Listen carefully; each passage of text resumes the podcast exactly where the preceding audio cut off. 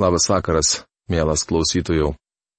Šiandien toliau keliaujame Senojo testamento puslapiais, nagrinėdami Jobo knygą. 32-37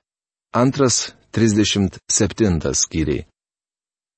Tema - Elihuvo kalba.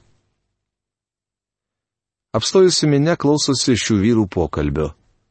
Jobui baigus savo pasisakymą, prabyla Elihuvas, vienas iš klausytojų. Jis kalbės tol, kol į pokalbį įsikiš Dievas. Horizonte jau kaupėsi lietaus debesys. Elihuvui baigus savo pasisakymą, susirinkusiuosius užklups audra ir visi išsibėgios, ieškodami kur pasislėpti. Jobas liks vienas ir tuomet jį prabils Dievas. Jobo draugų daugiau nebeišgirsime. Galiu su palengvėjimu atsidusti. Džiaugiuosi, kad jie baigė kalbėti. Atrodytų, Jobas laimėjo ginčą, tačiau taip nėra. Greta stovėjęs jaunuolis taip pat turi ką pasakyti. Iki šiol jis nepravėrė burnos. Tai nebūdinga jauniems žmonėms, tačiau jis išties protingas. Taigi tie trys vyrai nustojo ginčytis su Jobu, kadangi jis laikė save teisiu. Jobo knygos 32 skyriaus pirmą eilutę. Tai labai tikslus pastebėjimas. Jobas laikė save teisiu.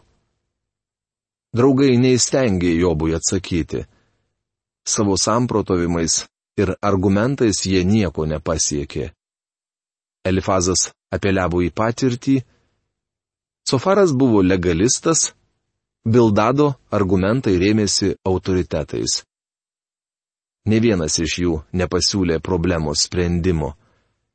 Jie paminėjo daug didžių tiesų, tačiau neatsakė į Jobo esminį klausimą, todėl jis ir toliau laikėsi savo teisumo. Visgi ši diskusija buvo naudinga. Svarbu, kad mes suprastume, jog kuomet dviejų šalių nuomonės išsiskiria, susitarti galima tik tuo met, jei viena arba abi šalis nusižemina ir nusileidžia.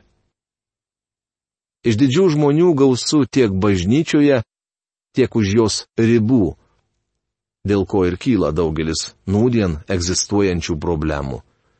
Jobas išpuikęs, aikštingas, užsispyręs bei lengvai išprovokuojamas.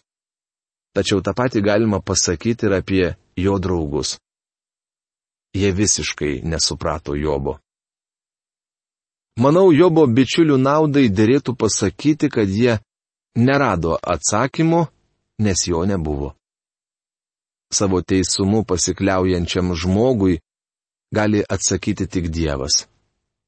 Vėliau skaitysime, kad galiausiai Dievas prabils į Jobą ir duos jam atsakymą. Jobo bičiuliai nežinojo, ką atsakyti. Netrukus į pokalbį įsijungs Elihuvas. Jis negali atsakyti Jobui, tačiau labiau priartėja prie tiesos nei trys Jobo draugai. Manau, jis ruošia Dievui kelią. Galiausiai Dievas suteiks Jobui šiokios tokios informacijos iš taip vadinamo štabo. Ji visiems mums svarbi. Elihuvas priklausė būzo genčiai. Buvo būzo palikuonis. Rašoma pradžios knygos 22 skyriaus 21 eilutėje. Veikiausiai tai buvo viena iš arabų genčių. Tada Barachelio iš būzo genties sunus Elihuvas iš Ramo kilties nebepajėgė suvaldyti savo pykčio jis niršo ant Jobo, nes šis laikė teisių save, o ne Dievą. Jobo knygos 32 skyriaus antra eilutė. Elihuvas prabyla, nes nebegali suvaldyti pykčio. Jis pyksta dėl dviejų priežasčių. Jobas šitiek laiko teisinosi, užuot laikęs Dievą teisiu. Jis tvirtino, Dievas neteisus. Jis padarė didelę klaidą, atsiūsdamas man tokias kančias. Toks Jobo požiūris sužadino Elihuvo pyktį. Jis niršo ir ant trijų Jobo bičiulių, nes jie nebuvo radę atsakymo, nors ir tvirtino, kad Jobas kaltas. Jobo knygos 32 skyriaus 3 eilutė. Tai antroji Elihuvo pykčio priežastis. Draugai neįsiaiškino Jobo problemos ir visgi jį smerkė. Bet kadangi tie vyrai buvo vyresni už jį, Elihuvas nesiryžo kreiptis į Jobą. Jobo knygos 32 skyriaus ketvirta eilutė. Matyt, anomis dienomis viskas buvo kiek kitaip nei šiandien. Mūsų laikų jaunuolis jau seniai būtų įkišęs savo trigrašį. Šiandien mūsų vaikai nuolat dėmesio centre. Būdamas su savo anūku, pastebėjau, kad mes jo klausomės. Tačiau nesu tikras, ar išmintingai elgiamės. Tačiau pamatęs, kad anų trijų vyrų lūpose atsakymo nėra, jis nebepajėgė suvaldyti savo pykčio. Jobo knygos 32 skyriaus 5 eilutė. Elihuvas laukė. Jis mane, kad vyresnieji pasakys ką nors išmintingo. Pamenu, kai buvau jaunas pamokslininkas, mirtinai bijojau salėje sėdinčių žilagalvių, nes maniau, kad jie labai daug žino, gal net daugiau už mane. Tačiau greitai supratau, jog amžius ne visuomet proporcingas pažinimui ir išminčiai. Tada Barachelio iš būzo genties sunus Elihuvas atsakydamas tarė. Esu jaunas, o jūs seni. Todėl nedrįsau ir bijojau pasakyti savo nuomonę. Maniau, te kalba metai, te moko žilagalvė išminties. Jobo knygos 32 skyriaus 6-7 eilutės. Įsiklausykite į šį komentarą. Bet iš tikrųjų žmogui dvasia visagalio alsavimas teikiantis supratimo. Jobo knygos 32 skyriaus 8 eilutė. Elihubas neturėjo šventosios dvasios, kaip dabar ją turi tikintieji. Senojo testamento laikais šventoji dvasia negyvendavo tikinčiuosiuose bet apimdavo tam tikrus žmonės, kad per juos galėtų atlikti vieną ar kitą darbą. Pavyzdžiui, apimtas Dievo dvasios Becalelis, kaip rašoma išeimo knygos 31 skyriaus antroje, trečioje eilutėse, įgavo išminties ir sugebėjimo gaminti padangtis reikmenis. Senajame testamente aprašyta daug atvejų, kai Dievo dvasia apimdavo žmogų. Dovydas meldėsi. Nenuimk nuo manęs savo dvasios šventos. Žiūrėkite 51 psalmės 13 eilutę. Tai rodo, kad šventoji dvasia galėjo pasitraukti. Niekur Senajame testamente nesakoma, kad Dievo dvasia apsigyvendavo žmonėse. Elihuvas supranta, kad tik visagalio alsavimas arba įkvėpimas gali suteikti žmogui supratimo. Vadinasi, egzistuoja vienintelis tikras autoritetas - Dievo žodis. Nei žili plaukai nepadaro išmintingo, nei seniūnai ne visada supranta, kas teisinga. Jobo knygos 32 skyriaus 9 eilutė visagalio alsavimas teikiantis supratimo. Šis vyras pripažįsta, kad tik Dievas gali atsakyti Jobui. Elihuvas ruošia dirba Dievui. Jis neturi atsakymo, bet supranta, kad ir draugai nežino, ką Jobui pasakyti. Tad ir sakau, pasiklausykite manęs, aš irgi pasakysiu savo nuomonę. Štai laukiau jūsų žodžių, klausiausi jūsų išmintingų svarstymų, jums stengiantis rasti teisingą atsakymą. atsidėjęs dėmesingai sėkiau, bet tikėkit manimi, ne vienas jūsų neparodė, kad Jobas neteisus, ne vienas nepaneigė, ką Jobas sakė. Jobo knygos 32 skyriaus 10-12 eilutės. Tai žinoma, grina tiesa. Tad kaip galite sakyti, radome išmintį? Dievas jam atsakys, o ne žmogus. Jobo knygos 32 skyriaus 13 eilutė. Elihuvas nepatenkintas, nes mane, kad šie vyrai sugebės Jobui atsakyti. Jam nesmagu, kad Jobas liko nepakaltintas, jo pasitikėjimas savimi tik dar labiau sustiprėjo. Pažodžiui atgailaujanti reiškia sumušta. Tiesa, Jobas buvo mėtomas ir vėtomas. Jis grūmėsi ringę su šietonu ir net tris raundus atsilaikė prieš savo draugus. Nėra jokios abejonės, kad Jobas gerokai sumuštas ir apdaužytas, tačiau atgaila kyla iš žmogaus vidaus. Tai liudesys ir apgailestavimas dėl nuodėmės. Davidas suprato, kad tikra auka Dievui susigraudinusi dvasia. Tu, Dieve, nepaniekinsi širdies, susigraudinusios ir atgailaujančios. Rašoma 51 psalmės 19 eilutėje. Jobas buvo sumuštas, bet vis dar nenorėjo atgailauti. Tik Dievas gali atsakyti į išdidumą, aroganciją ir pasitikėjimą savo teisumu. Kartai žmonės godėsi. Mano sunus mokosi koledže, dabar jis visažinis. Ką aš galiu jam pasakyti? Tik Dievas gali atsakyti sūnui, kuris manosi viską žinas. Kai tik imame pasitikėti savo teisumu, galime būti tikri, mums teks ringę susitikti su Dievu ir jis mūsų muš.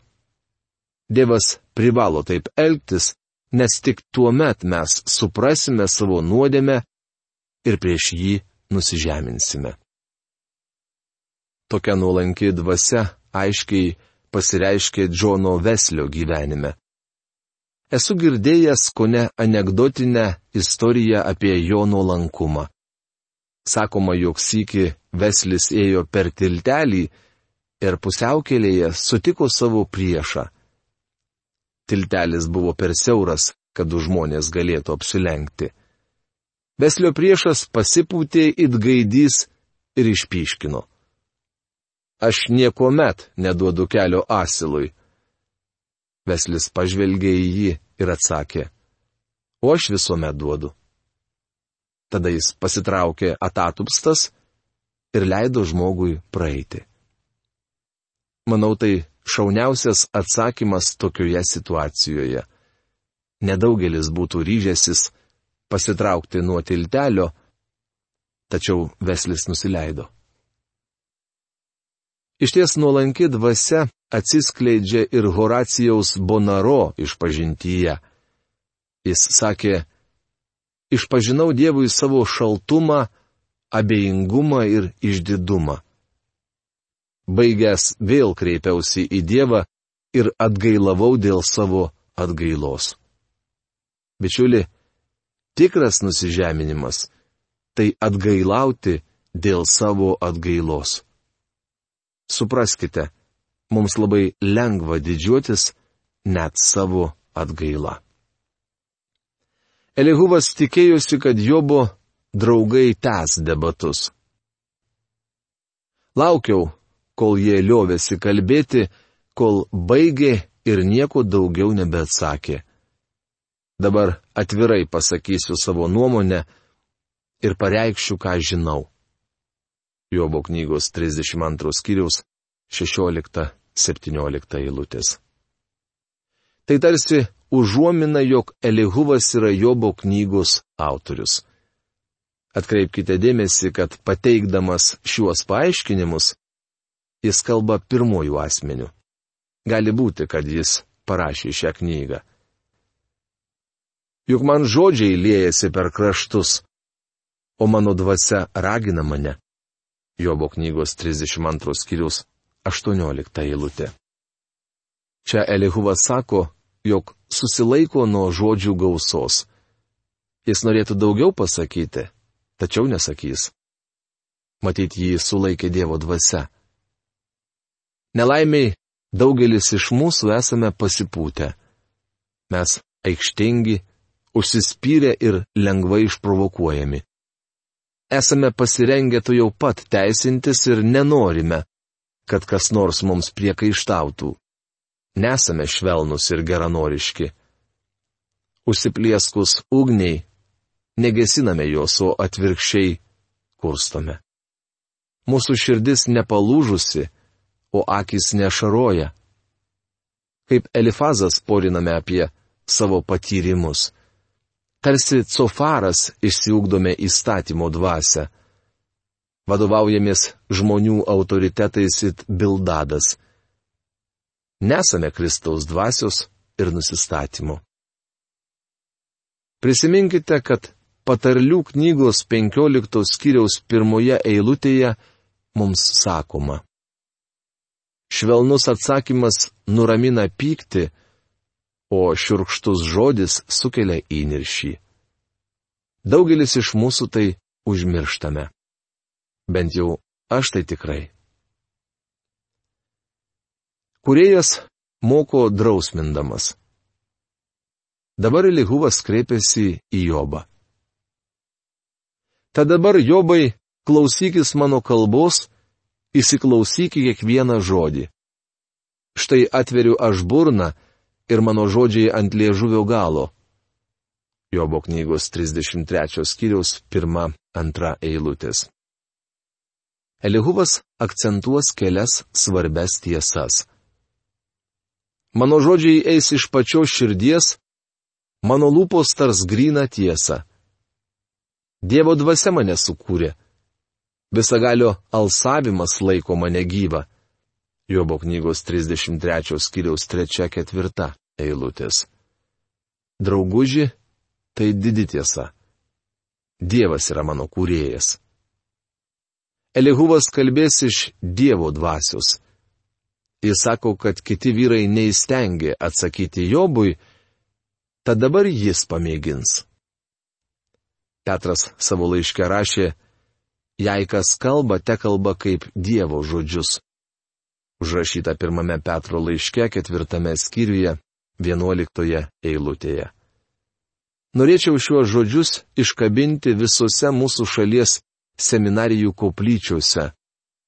Jei tarnautojas nekalba Dievo vardu, nenoriu pasirodyti širkštus, bet vis vieną pasakysiu. Turėtų užsičiaupti. Jam nevalia kalbėti. Siki po pasisakymo San Francisco įlankos regione, prie manęs priejo vienas vyras ir tarė. Jūs labai dogmatiškai kalbate. Taip atsakiau jam. Džiaugiuosi, kad pastebėjote mano dogmatiškumą. Tačiau į Bibliją galima žiūrėti ir kitaip. Tęsė pokalbį mano pašnekovas. Supratau, kad jis legalistas. Žmogus paklausė, Ar kada susimastėte, jog gali būti ir kitoks paaiškinimas? Taip atsakiau jam. Buvo metas, kai maniau, jog pas Dievą veda daug kelių.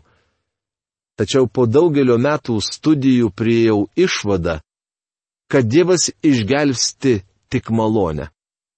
Ir nuo tada šios tiesos laikausi labai dogmatiškai. Aš dogmatiškai suprantu daugelį Dievo žodžio tiesų, nes pats Dievo žodis yra dogmatiškas. Dogmatiškai laikausi nuostatos, kad Jėzus Kristus yra Dievas, Dievo sūnus. Dogmatiškai priimu faktus, kad jis gimė iš mergelės, darė stebuklus, mirė pavaduojančią arba pamainančią mirtimi, kūnų kėlėsi iš kapo, pakilo į dangų ir šiandien sėdi Dievo tėvo dešinėje. Kad dabar Kristus yra gyvas ir vieną dieną sugrįš į žemę. Brolau, aš iš tiesų dogmatiškas. Pašnekovas pažvelgė į mane ir pasakė, tuomet su jumis kalbėti beprasmiška. Atsakiau jam, jei laikotės kitos nuomonės, tik veltui gaištate laiką. Bičiuli, leiskite pakartoti Petro žodžius. Jei kas kalba, te kalba kaip Dievo žodžius. Žinoma, egzistuoja dogmatiškas nemokšiškumas. Tačiau mano įsitikinimu, net cituodami Bibliją jūs neturite ką pasakyti, jei netikite, jog tai Dievo žodis. Netikėjimas visuomet yra nebylus. Jis neturi ką pasakyti. Tai nereiškia, kad netikėjimas nekalba, dar ir kaip kalba. Tačiau jei kalbantysis nekalba kaip Dievo žodžius, jo tarnavimas neturi galius, yra bevertis ir bevaisis. Jei pajėgi, atsakyk man. Pasirenk ir kipki mane. Dievo akise aš tau lygus. Aš irgi paimtas iš molio. Jobo knygos 33 skyriaus 5-6 eilutės. Jobas troško, kad koks nors žmogus atstovautų jį Dievo akivaizdoje jaunuolis Elihuvas pasirengęs tai daryti. Jis sako, aš drėptas iš to paties molio kaip ir tu. Elihuvas nori būti tarpininku tarp Jobo ir Dievo. Akivaizdu, kad jis nėra tam tinkamas. Tačiau tai tik dar aiškiau parodo mūsų viešpaties įsikūnyjimo būtinybę. Tarpininkas turi būti Dievas, bet kartu drėptas iš to paties molio kaip ir mes. Tad nėra tau ko manęs bijoti, ir mano ranka tavęs neprislėgs. Iš tikrųjų, tu kalbėjai man tiesiai į ausis, aš girdėjau tavo žodžių skambesį. Tu sakai, esu tyras, nenusižengęs, esu nekaltas, nėra manyje kalties. Jobo knygos 33 skyriaus 7-9 eilutės. Elihuvas klausėsi pokalbio ir girdėjo, kad Jobas save vadino nekaltu bei kaltino Dievą. Taigi jis aiškina Jobui, kad Dievas didesnis už žmogų ir jam neatsakingas. Bet jis randa dinkščių prieš mane, laiko mane savo priešu, mano kojas jis deda į šiekštą, stebi visus mano takus. Čia tu neteisus. Aš tau sakau, nes Dievas didesnis už žmogų. Jobo knygos 33 skyrius 10-12 eilutės. Elihuvas pamini reikšmingą tiesą - Dievas didesnis už žmogų. Tai paprasta, bet svarbi tiesa mat, daugelis linkia užimti Dievo vietą. Dažnas krikščionis puola aiškinti, kodėl nutinka viena ar kita. Kai kurie kalba taip, tarsi turėtų tiesioginį telefono ryšį su dangumi ir pirmieji sužinotų visas dangaus naujienas. Aš nuoširdžiai tuo abejoju. Yra daug dalykų, kurių niekas nežino. Mielas klausytojau, šiandien mūsų laidos laikas baigėsi. Susitiksime kitoje laidoje. Iki malonaus susitikimo. Sudė.